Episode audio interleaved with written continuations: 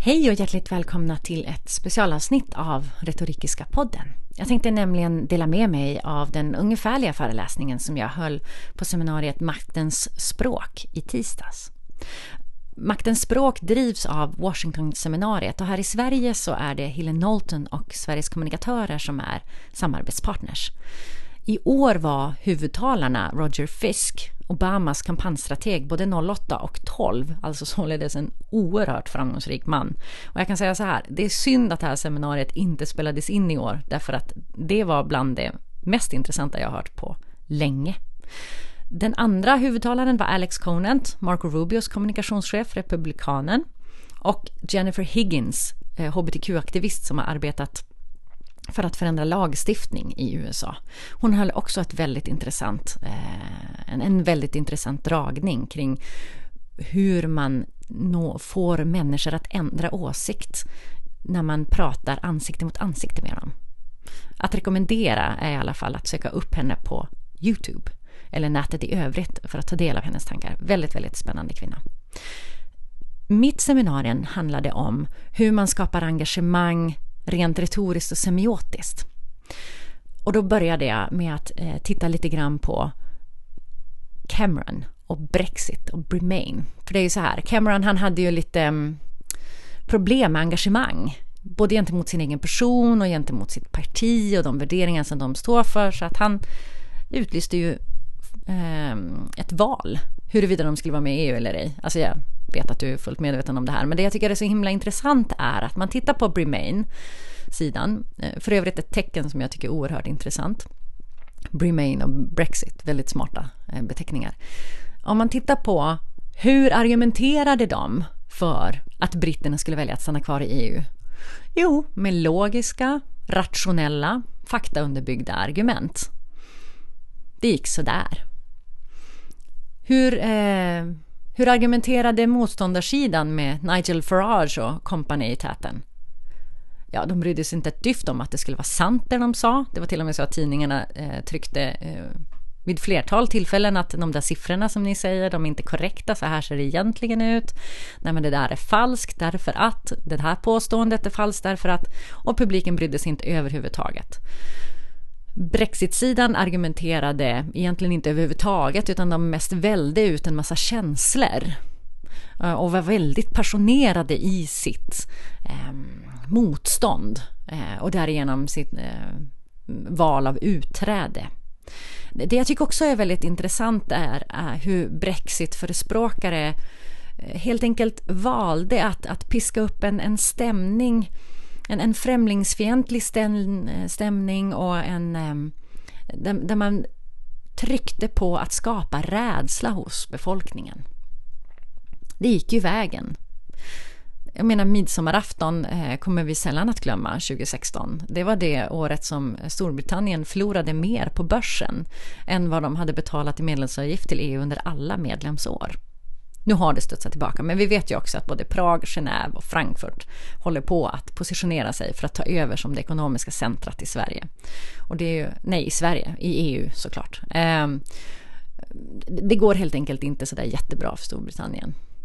Och då, om man då blickar eh, över det stora vattnet så ser vi ju kanske potentiellt samma sak hända igen. Och det skrämmer mig lite. Men om man tittar på Hillary Clinton som ju naturligtvis har en del i bagaget, eh, vilket kan vilket till stor del eh, ligger till grund för det missnöje med henne som eh, stora delar av den amerikanska befolkningen faktiskt har. De känner att de kan inte lita på henne och det är ett stort problem om man vill bli POTUS.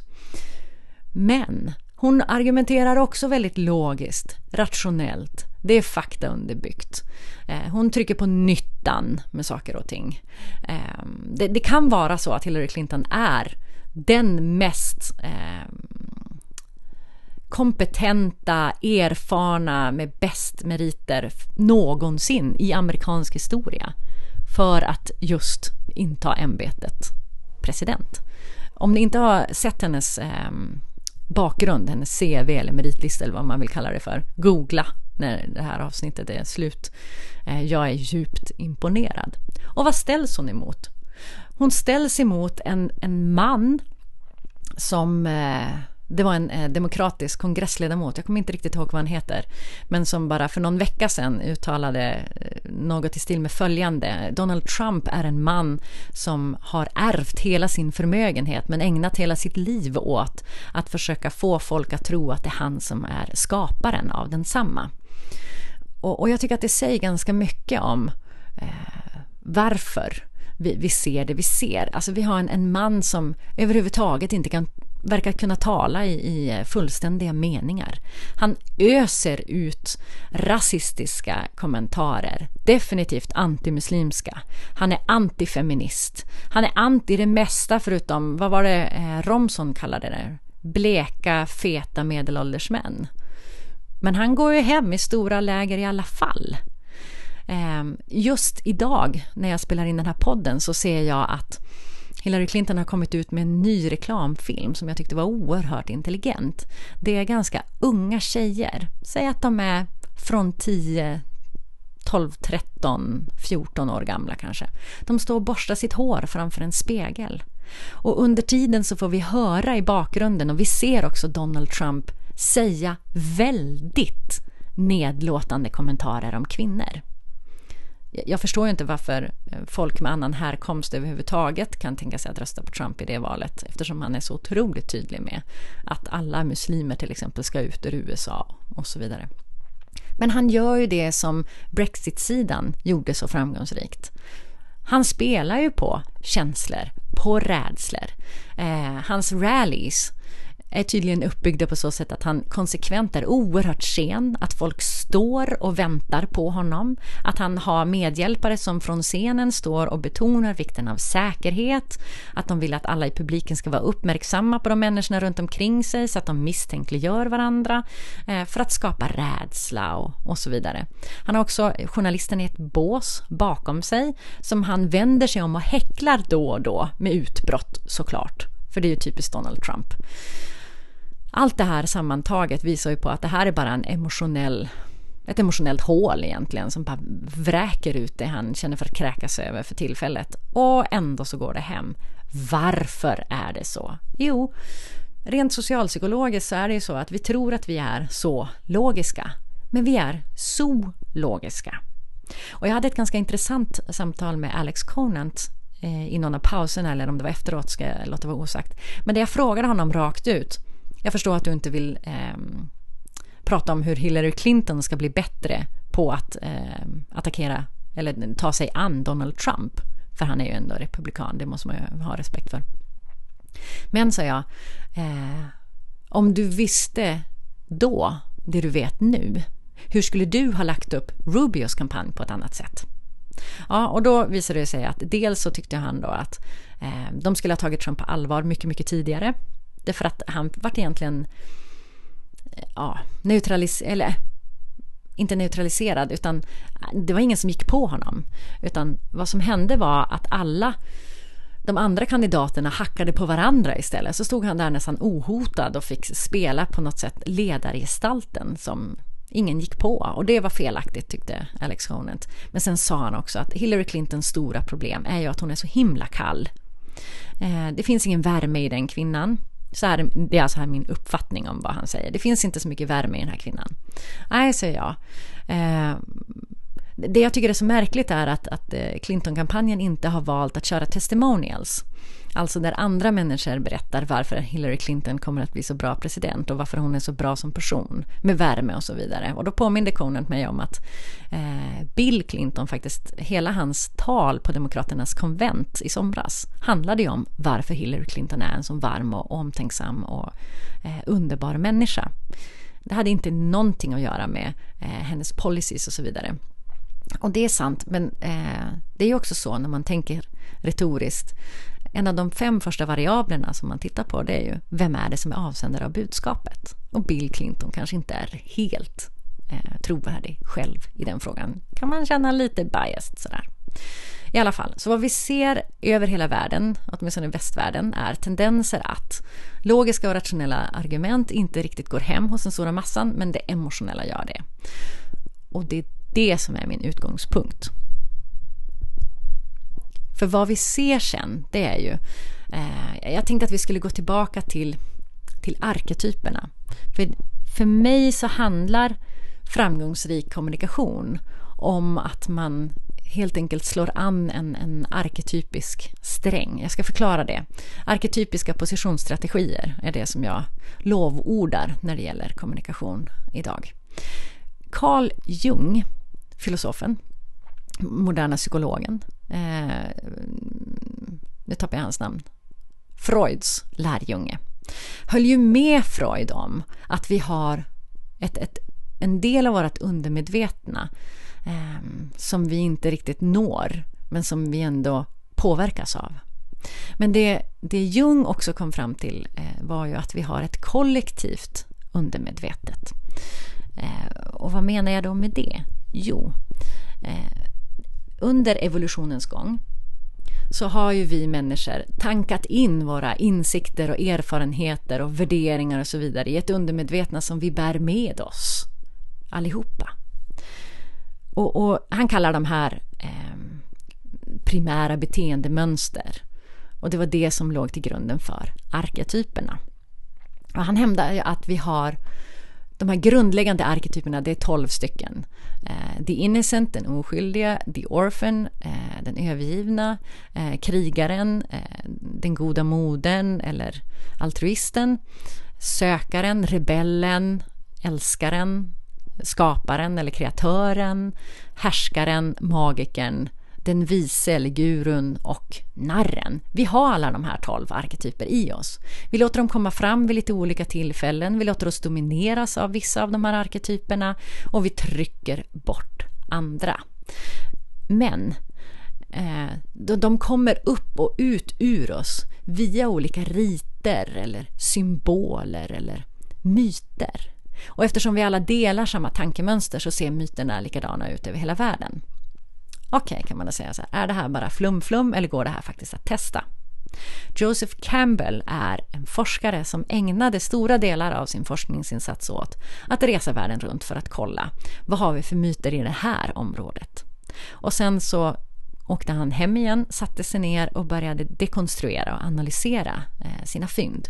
Och upptäcker då att det är samma berättelse över hela världen.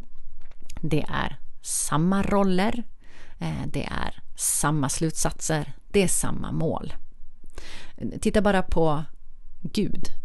Om vi tittar på Gud i olika religioner så ser vi att det är flera religioner som beskriver Gud på i princip exakt samma sätt. Och det här är då bevis för att Jung ska ha rätt. Varför leder då arketypiskt tänkande till ökat engagemang hos målgrupperna? Ja, jag skulle säga att det är för att forskningen visar ju att det slår an en inre känslosam sträng hos oss. Den är undermedvetet, vilket i sin tur gör att det är väldigt svårt att motstå. Socialpsykologin pratar ju om påverkansfaktorer till exempel som är som triggers. Ehm, de sex som Cialdini har, har klustrat hittills, nu kommer han ut med en ny bok i höst, det kommer att bli oerhört intressant, men det är ju eh, bland annat auktoritet och knapphet. Eh, det är ganska självklara saker. Varför ska man då köra arketypiska positionsstrategier? Bara för att Jung och Campbell har visat att det här är någonting som förmodligen existerar? Nej, inte bara därför, utan för att det här är faktiskt också mätbart. Det tycker jag är så himla intressant. Ehm, det är flera olika företag ute i världen som mäter arketyper, styrkor, dominans och så vidare. Young Rubicam, som är en stor reklambyrå i USA, de gjorde en sexårig studie där de tittade på eh, stora varumärken som de hade bedömt antingen tajt definierade arketyper, det vill säga att den sekundära arketypen som de fann var minst 10% svagare och det de kallade för förvirrade arketyper, där den sekundära arketypen låg inom det här 10 skillnadsspannet. Och studien visade då, föga förvånande kan man ju säga, att de tajta arketyperna var mycket mera framgångsrika än sina, eh, den andra gruppen. Eh, studien visade att de tajta arketyperna som hade en tydligt utkristalliserad arketyp ökade sitt marknadsvärde med 97 procent under den studerade tiden jämfört med de så kallade förvirrade varumärkena. Och det ekonomiska värdet det gick upp med 66 procent för de tajta arketyperna medan ja, de andra helt enkelt inte levererade. Så det känns alltså inte bara bra att köra arketypiska positioneringsstrategier. Företagen är mätbart mer framgångsrika. Jag tänkte vi kunde ta tre stycken exempel lite kort sådär. Den ena arketypiska positioneringsstrategin är ju altruisten, eller som man säger på engelska, the caregiver. Och när vi talar om hur du engagerar altruisten så handlar det inte om dig, utan det handlar om dem. Och du får inte säga att du bryr dig, utan det är bara handling som gäller. Därför att altruister, de, de bryr sig så himla mycket om andra, de står upp för, eller de peppar andra, de hjälper andra, de finns där för andra och så vidare. De, de hjälper helt enkelt andra så himla mycket att de själv har underskott på att bli omhändertagna. Och bara för att de är generösa och jobbar för att andra ska ha det bra så betyder de ju inte att de själva inte vill bli just omhändertagna. Det kan vara lite svårt att se ibland. Man, man tror att den här människan gör allt det här för att de ska känna att de är en bra och god person. Men underskatta inte att se och bekräfta den här gruppen människor. För det kan vara oerhört framgångsrikt både för ditt varumärke och för din eh, ROI. Säg att eh, delar av ditt erbjudande handlar om säg, kundsupport eller tidsbokning eller om du säljer något på nätet. Då ser du till att vara trevligare, snabbare och mer kompetent på att lösa deras problem än vad dina konkurrenter är. Och sen, utöver det, så ger du dina kunder någonting till ännu mer efteråt som gör att de känns omhändertagna. Det kan handla om att eh, om de har ringt kundsupporten så får de ett mail sen där de får länkar till några olika filmer på Youtube som förklarar inte bara hur man löser det här problemet utan närliggande problem och kanske någonting som inte ens är i närheten. Men, men tre, fem länkar till så. Då känner de sig sedda och bekräftade. Är det så att du har tidsbokning Ja, men då skickar du naturligtvis ett sms till dem som påminner dem om att nu kommer den här tiden att komma. Och är det så att, att du har Ehm, att du säljer saker och ting på nätet. Jag tänkte till exempel, jag köper mat på nätet. Jag har en matkasse. Och jag skulle så oerhört gärna kunna vilja bestämma exakt när den här matkassen kommer istället för att ha det här. Vi kommer till dig på söndag kväll mellan 17 och 22. Det är lite stressande faktiskt. Och jag vet att det finns andra som levererar matkassar som man faktiskt kan göra det på. Men jag är så nöjd med min matkasse att jag vill faktiskt inte byta. Så ett litet tips där ute. Om, om du jobbar för någon som eh, skickar matkassar till folk på söndagskvällar och, och, inte redan har den här featuren. Jag kan inte prata lent. This feature inbyggd. Snälla se till att lösa det. Nåväl, vi går vidare. Nästa arketypiska positioneringsstrategi som jag tänkte eh, ta upp är eh, the sage, eller gurun, experten, den vise. Kärt barn har väldigt många namn. Gurun är alltid ute efter att hitta sanningen och det är även mottot för sådana här människor. Sanningen ska göra dig fri. Målet som de har är att använda sin intelligens och analytiska förmåga för att förstå omvärlden vi lever i. Och en styrka som de har är ju just att de reflekterar mycket och förstår tankeprocesser. Svagheten är ju att det kan bli lite väl navelskåderi och det händer inte så jäkla mycket. Det måste ju... Eh, först måste man ju processa vad som skulle möjligtvis kunna potentiellt hända. Och sen så borde man ju kanske ta fram strategier för att om det där skulle hända så skulle vi vara förberedda. Det beror ju på det ena och det andra. Och sen, ja men ni fattar ju. De är helt enkelt lite för noggranna, så egentligen. Men det kan vara en väldigt, väldigt bra kundgrupp att ha. Och för att locka sådana här människor, då måste du få dem att känna sig smarta. Och det handlar om att tala i koder, att inte slutas i cirkeln och att bygga in någon slags aktiverande motkrav för att budskapet ska få mening. Och sen handlar det om att låta kunderna komma till dig. The Economist har ju en eh, kampanj som jag tror kallas för The Red Campaign som jag tycker är helt briljant och som ligger klockrent rakt in i den här arketypen. Och det är när de har sådana här meningar textbudskap, vit text på röd botten. Har ni inte sett någon av de här annonserna tidigare så gå in på nätet och googla. Till exempel så kan det låta så här. Is your train of thought subject to delays? Question the answer. Is your indecision final? Jag gillar de här därför att jag känner mig smart när jag förstå vad de menar. Alltså känner jag lite så här, oj, oj, oj, jag är så här typisk, in, rakt, such a sucker i den här målgruppen. Men det är ju alltid så, oavsett egentligen vad du har för målgrupp, att om du får folk att känna sig smarta så kommer de att gilla dig i mycket högre utsträckning. Och det här eh, känslan som de får av att känna sig så bra på kanske alla sätt och vis överförs ju till dig som avsändare. Så att oavsett vilken positioneringsstrategi du väljer, se till att få dina kunder att känna sig smarta. För att uppfattas som expert eller guru, den här arketypen som jag pratar om, så behöver du skicka signaler som säger att du är just det. Och inte bara det här med att koder och stanna innan och så vidare. Din produkttjänstidé borde vara relativt dyr. Det är bra om du underdriver ditt budskap just för att de själva ska behöva slutföra det och att tonaliteten ligger lite mer åt det elitistiska hållet. Och självklart så ska du se till att tunga branschpersoner, opinionsbildare, ambassadörer och så vidare rekommenderar din produkttjänstidé. Och om du har möjlighet så är det naturligtvis väldigt eh, så är det värdefullt att de här personerna blir lite vippade innan du ska släppa nästa grej. Titta bara på Apple. De är fantastiskt bra på just det här. Och när vi då pratar om Apple så det är faktiskt så att den sista arketypen som jag tänkte prata om är magikerna. Steve Jobs kan man säga är magiken personifierad. Om vi, om vi börjar med själva arketypen så skapar de förändring. De transformerar, de är i ständig rörelse. Och Steve Jobs han hade någonting som han kallade för ett förvrängningsfält. Um, man kan säga så här, förenklat, han, han skapar sin verklighetsuppfattning på rent önsketänkande. Och det här kan ju vara ganska frustrerande för de människor som finns i hans omgivning och samtidigt oerhört utmanande. Därför att det finns, om, om du jobbar för någon som säger det finns inget som är omöjligt, lös det.